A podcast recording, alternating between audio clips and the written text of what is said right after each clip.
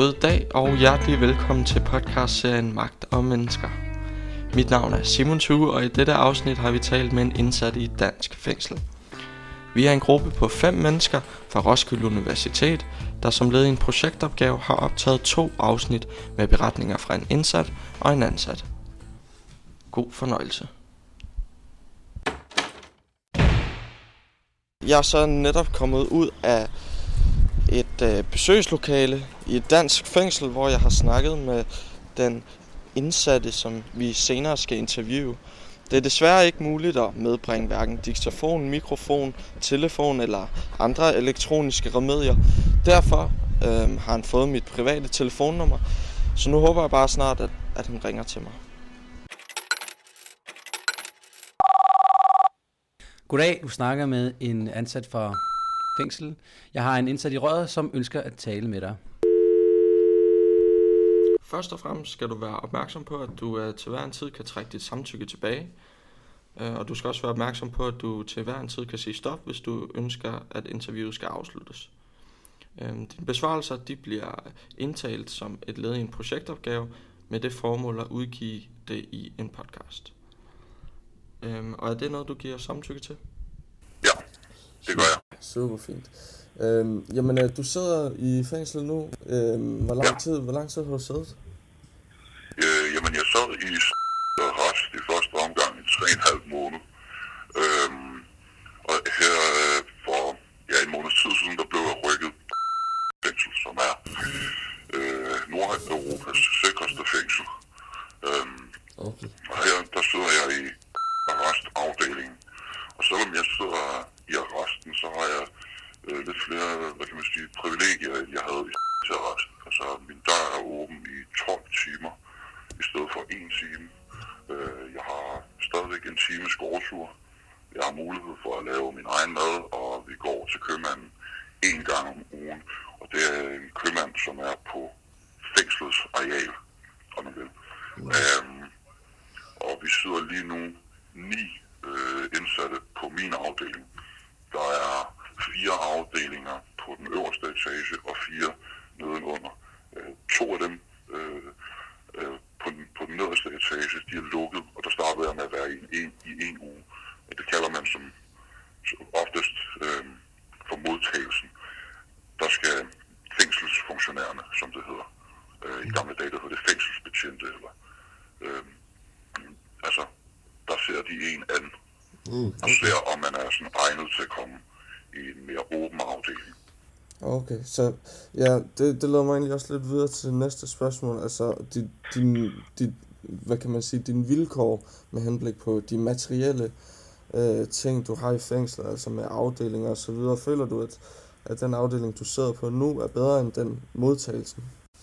Ja, ja, det er klart, fordi altså, som, som arrestant, så er du indspærret i 23 timer i døgnet. Du har selvfølgelig ret til cellefællesskab, som det hedder. Altså, at du kan få en af de andre indsatte ind på din egen celle, og så er der sådan, hvad kan man sige, menneskelig kontakt. Mm. Ellers så er du faktisk mutters alene i de 23 timer, du er indspærret. Det gør selvfølgelig noget ved psyken, øh, og når man nogle gange kommer ud på de her gårdture her, så øh, snakker man så hurtigt, øh, fordi man har så meget at sige, så nogle gange så falder man hen over ordene, fordi der er jo ikke nogen at snakke med. Mm. Øh, øh, for eksempel i rest, der er der ikke frit udsyn til himlen.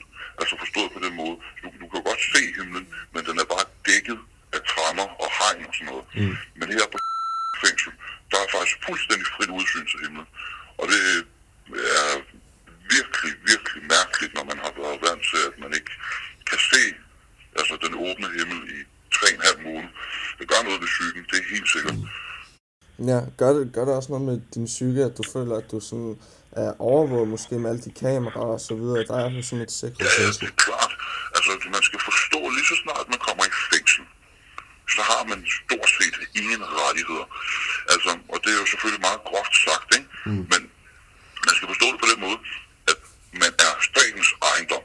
Det vil sige, de bestemmer, hvornår du bliver låst inde og lukket ude og kommer på gårdture og kan indgå i et socialt fællesskab med de andre indsatte og alt, hvad der hedder, altså frihed, det er indskrænket til Mm. Altså, jeg, selvfølgelig nu har jeg jo mulighed for at ringe, og det er jo min navlestreng til omverdenen. altså, fordi at min verden, den er cirka, ja, det, det er svært at forklare, men jeg, jeg kan gå i kondirummet, hvor jeg kan lave noget kondition og styrketræning, og så kan jeg, altså, så der, der er nogle andre aktiviteter. For eksempel har jeg lige været til yoga. Okay. Øh, ja. sure. øhm, øh, men, men ellers så har man sådan set ikke rigtig nogen rettigheder, fordi så i ny og næ, så laver de sådan nogle store visitationer, som det hedder. Nå, Men så kommer de bare ind på ens celle om morgenen, inden døren den bliver åbnet, og så øh, bliver man strippet fuldstændig. Altså, øh, så, så står man som Gud har skabt det, ikke? og så tjekker de en, når man har nogle remedier og nogle ting ind på ens celle, som man ikke må have. Øh, altså, det er jo ikke øh, en hemmelighed, at der bliver indtaget forskellige medicamenter, forskellige stimulanter, og der bliver råd has og diverse ting og sager i de danske fængsler. Så det er selvfølgelig noget, de kigger efter oftest, altså om man har has ind på sin celle, eller kokain, eller om der står en bongflaske et eller andet sted. Mm. Men så er de også interesseret i sådan nogle fuldstændig ligegyldige ting, som for eksempel lighter, eller om man har cigaretter ind på en celle. Og det giver typisk en bøde. okay. Så, Ja. Hvordan føler du egentlig, at reglerne, som der er i et fængsel, for eksempel det her med, at man ikke må ryge cigaretter, at det ikke er ude i omverdenen? Føler du, at det er retfærdigt, eller sådan færre på nogen? Nej, selvfølgelig synes jeg ikke, det er retfærdigt. Altså, jeg har på et tidspunkt tænkt mig at stoppe med at ryge cigaretter, mens jeg sidder i fængsel. Men jeg kan godt forstå, at der bliver røget cigaretter, fordi det handler bare om at slå tiden ihjel. Og når man altså har råd til en cigaret der, så er der altså bare 5 minutter mindre til frihed og løsladelse. Så hvis man lige regner det hurtigt ud, ikke, så er 20 cigaretter om dagen, det er selvfølgelig meget mindre end afsoningstid. Altså, det er selvfølgelig en mere sådan abstrakt tænkning, men altså, man gør rigtig mange ting i et fængsel for at slå tiden ihjel, mm. fordi at det er det eneste, man sådan har at tage sig til. Så ja. for, mit, altså for mit vedkommende, så jeg træner to gange om dagen, og jeg læser, og jeg skriver breve, og du ved, jeg laver ting, som, som er tidskrævende. Så har jeg en times gårdtur, du ved. Altså det handler bare om at få dagen til at gå, og få sat sig nogle rutiner. Og nu er jeg kommet i en arrest, som er sådan lidt bedre end den, jeg var i før, øh, inden jeg skal rykkes videre til et andet sted. Nu er jeg blevet dømt for, for forbrydelse. Øh, det skal så lige siges, at øh, jeg er uskyldig, men øh, mm. man bliver nødt til at tage det her med en oprejst pande. Så i mit tilfælde, så kommer jeg altså at blive rykket til et andet sted, hvor jeg lige skal være i fire uger, inden jeg bliver rykket til et åbent fængsel. Og der er vilkårene jo fuldstændig anderledes. Ja. Der har man jo en telefon ind på ens egen celle, og hvis man har lyst, så kan man jo ringe altså, fem timer i gang. Øh, man har muligheder altså, for at lave arbejde og mm. lave mange flere ting, og på et tidspunkt, så kan jeg søge om frigang, så jeg kan tage min uddannelse færdig. Og mange andre ting. Så Men, øhm, det her, Ja, med hensyn til, at, at du snakkede om, om din, din dom, og, og at du er skyldig og så videre. Øhm, hvordan føler du så, at, sådan, at der har været, eller er en hierarkisk fordeling mellem de indsatte i, i det fængsel, du er i nu? Altså det, der er heldigt for mig, det er, at jeg selvfølgelig har en, hvad kan man sige, en, en fysisk udstråling, der udviser en meget øh, speciel form for autoritet. Så for eksempel, altså, jeg har ikke rigtig noget frygt til at spørge, altså alle på min afdeling, de ved, hvad jeg er blevet dømt for. Der er selvfølgelig ikke nogen, der tror på det. Og i den anden arrest, jeg sad i, der vidste alle også, hvad jeg var blevet dømt for, men ingen troede på det. Så det var selvfølgelig meget nemt, ikke? Mm. Øh, men normalt, men normalt, så er det, som jeg er blevet dømt for, det, det, det placerer en nederst i hierarkiet, øh, sammen med pædofile og incestforbrydere, øh, altså sådan noget der, ikke? Mm. Øh, men, men nu kan jeg selvfølgelig godt sige det her, uden det lyder for smart, men altså lige her, der topper jeg hierarkiet sammen med en anden medindsat, som, som jeg kender udefra.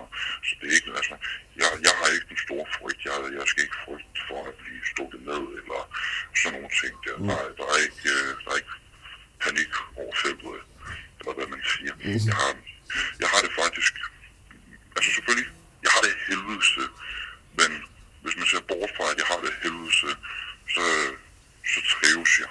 Mm. Øh, så, så, så det er fint nok. Øh, jeg, jeg får dagen til at gå, og jeg har folk, jeg ringer til udenfor, og buddy, som, som jeg kan ringe til, der, der jeg snakker med. Og det er selvfølgelig det, jeg bruger nok min alder. Altså det, det, det største, det største del af min tid, min vågne tid, tænker jeg selvfølgelig bare på min lille dame, ikke? Mm. Men det er selvfølgelig også nogle ting, som er vigtige for, at man kan altså sådan, bevare sin sanitet, så man ikke bliver fuldstændig sindssyg af at sidde i fængsel. Ja. Øh, men altså, når man sidder i et fængsel, så sidder man jo sammen med kriminelle mennesker, og øh, langt størstedelen af tiden, der bruger man jo altså ens samtaler om, at altså, så snakker man om, om røverhistorier eller forbrydelser, de andre har begået og blevet svigtet og døbt og alle sådan nogle ting der. Det bliver selvfølgelig meget trættende i længden, fordi at, altså, det er svært at tale om dybe følelser og filosofiske tanker, sådan nogle ting der, mm. hvis, hvis der ikke er noget, nogen intelligensmæssig pondus, og det kan godt være svært at finde noget her. Mm. Hvad med, hvad med vagterne? Har de ikke noget at byde på? Og, altså ligesom på alle arbejdspladser og, ude i den virkelige verden, så er der selvfølgelig mennesker, som man godt kan lide, og så er der mennesker, som man ikke bruger sig specielt meget om. Okay, Sådan er det også her. Lad mig lige spørge dig sådan, eller stille spørgsmål eller sådan ordentligt. Hvil- Hvilke personlighedstyper blandt personalet føler du gør din tid lettere, hvis der er nogen?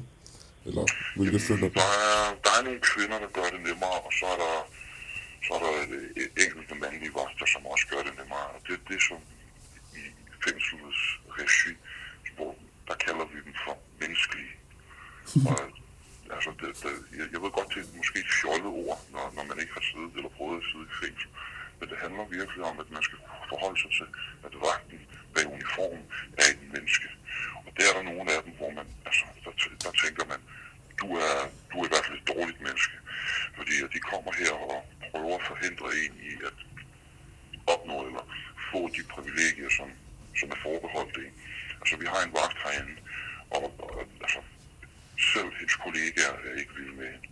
Øh, hun forhindrer en i at for eksempel låne telefonen, og selvom der ikke er nogen, der bruger den, så siger hun, ja, jeg har lige lovet den til en anden. en." Og det er jo bare en lodret løgn, ikke?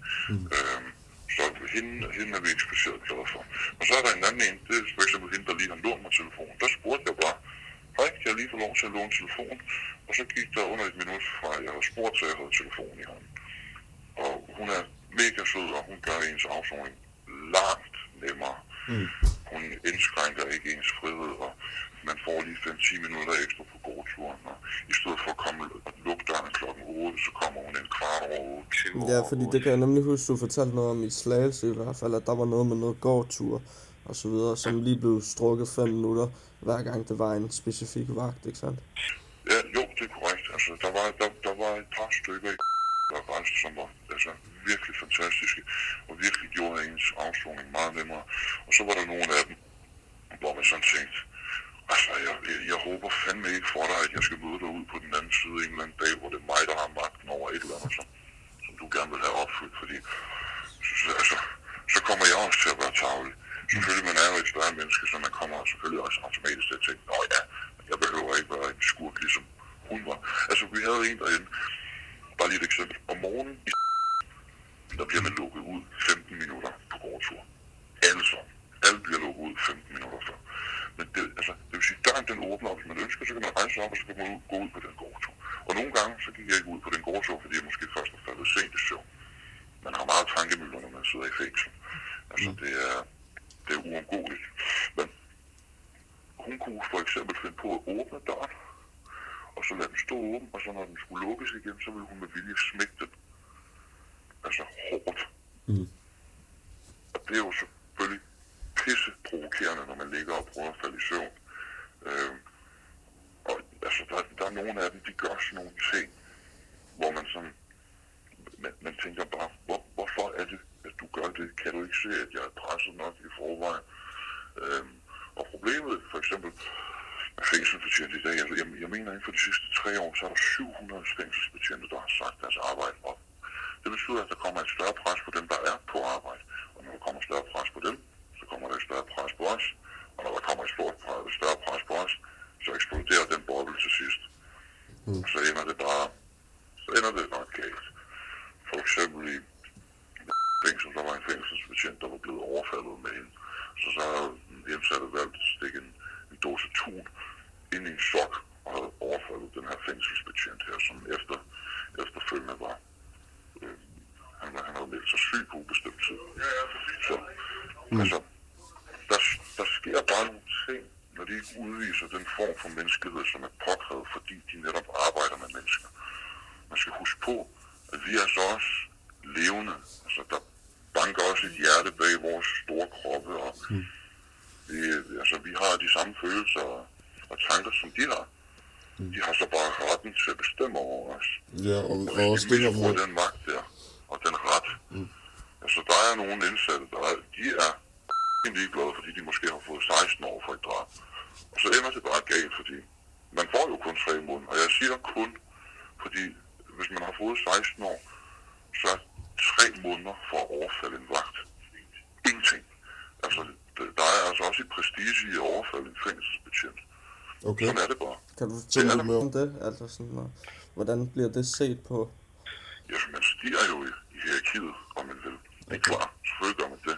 Hvis du overfalder en fængselsbetjent, der er uretfærdig, et fængselsbetjent, som, som misbruger sin magt og som er tavlig over for de indsatte, så vil den indsatte, der, altså den pågældende indsatte, der, der overfalder den her fængselsbetjent, han stiger jo selvfølgelig i, i rangen og skaber sig et navn. Det er klart. Mm. Men hvis man derimod angriber en fængselsbetjent, som er mega flink og sød, så kan man også godt ryge ned i rangen. Og så kan man også godt ind med at få nogen på lampen af de andre indsatte. Okay, det er men. Men i hvert fald, at for at sådan nogle ting, eller sådan nogle situationer ikke skal ske igen, øhm, føler du så, den måske er noget i uddannelsen til at blive fængselsbetjent, eller føler du Ja, det er klart. Selvfølgelig er det noget i uddannelsen. Jeg mener faktisk kun deres, deres uddannelse, den var fire uger. Jeg mener kun, det er et fire ugers kursus. Og det er bare ikke nok, når du skal arbejde med, med, altså, med folk, som er ja, nogle gange tækkende bomber.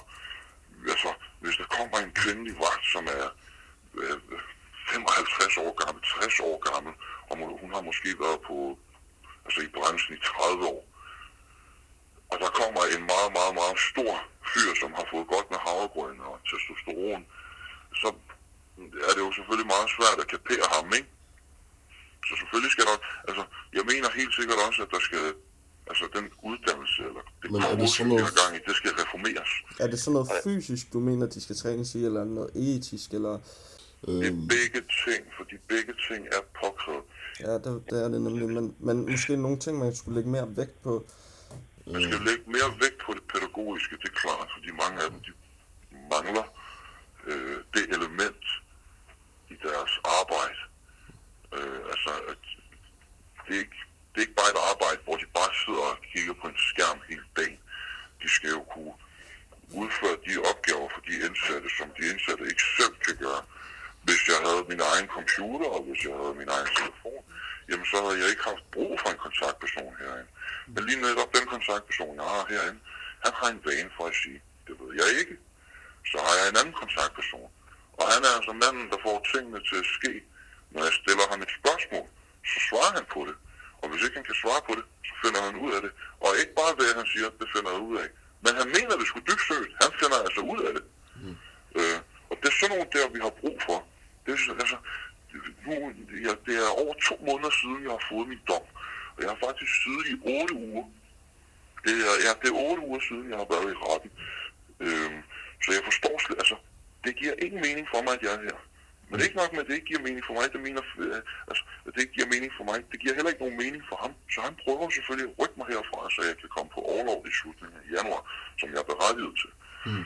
Øh, andre fængselsbetjente, de siger bare, det ved jeg ikke, det finder jeg ud af. Og så sker der bare ingenting. Så det handler også om deres altså arbejdsvilje og deres arbejdsmoral.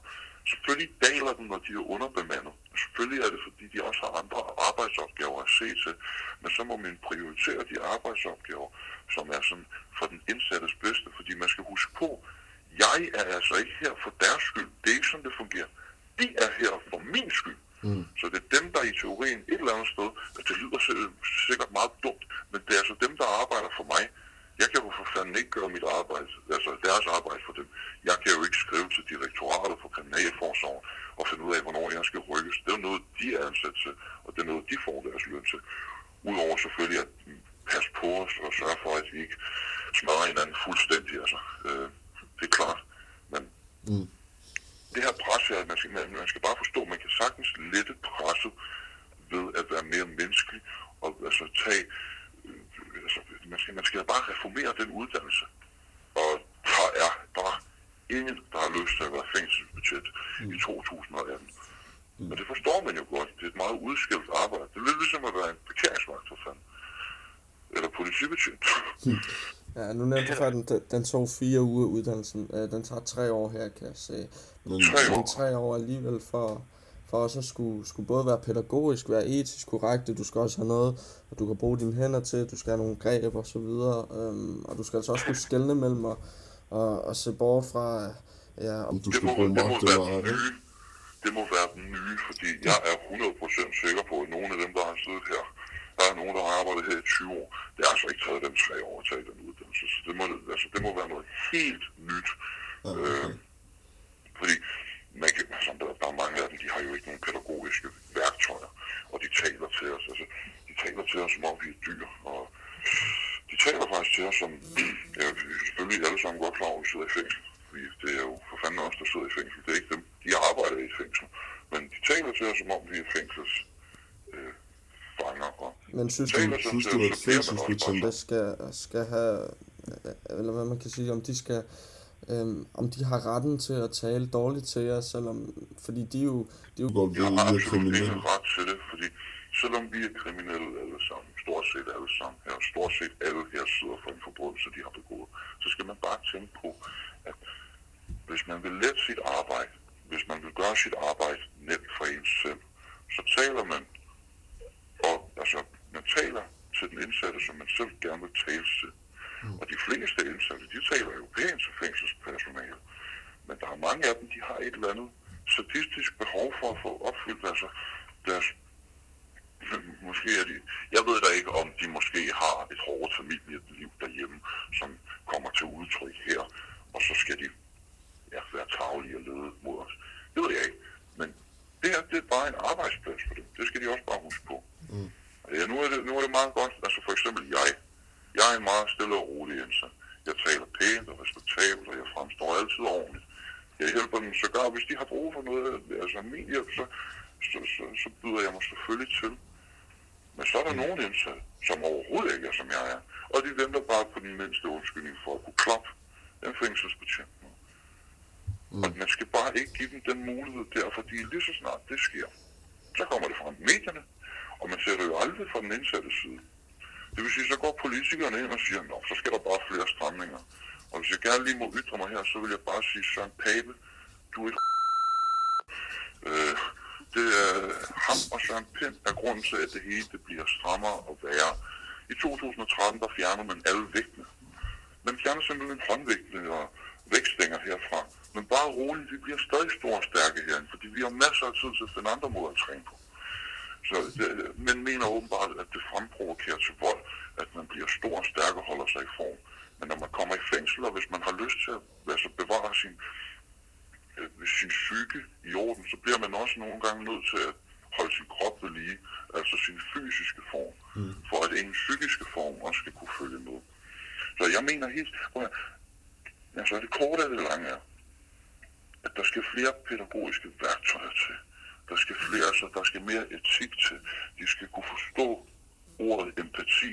Og ikke bare i den generelle forstand, men jeg mener det som i et moderligt og faderligt altså perspektiv.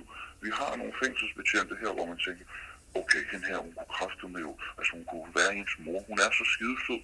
Og så har vi nogle andre, de- hvor man tænker, det her, det kunne jo være en far for en. du- Altså, og jeg ved godt, det lyder sygt, men det er bare sådan, det er den der menneskelige, det menneskelige aspekt og det menneskelige element, som vi higer efter, fordi vi er i fængsel. Det er bare sådan, det er. Sygt. Ja, Ja, du fik uh, svaret på det sidste også, uden jeg behøvede at spørge dig. Det var med det der med, hvad du vil bruge din stemme til, uh, hvis du kunne bruge den, og, og det kan du jo nu, faktisk. Men jeg tror, Søren Pape, han forstod det rimelig godt. jeg ser på at Søren Pape, han vil ikke kunne gå 5 meter i de her øh, North Face flip-flops, som jeg har fået af min lille shorty. Det er helt sikkert. Øh, men han vil ikke engang kunne gå i de andre, i de andre indsatte sko. Øh, to sekunder, Simon. Jeg tror, jeg tror næsten, at jeg skal lægge på. Telefonnøgle. Hvad? Skal jeg snakke færdig? Okay, prøv at- Simon. Ja. Øh, jeg bliver sgu nødt til at gå, Habibi. Det var så det første afsnit ud af to interviews. Og i og med, at der var andre indsatte i fængslet, der skulle bruge telefonen, sluttede vores samtale desværre en smule bræt. Men vi håber, at dig som lytter er kommet et skridt tættere på, hvad det vil sige at leve bag trammer. Om ikke andet, så taler vi med en fængselsbetjent i næste afsnit, og vi håber, du lytter med. Tak for din opmærksomhed.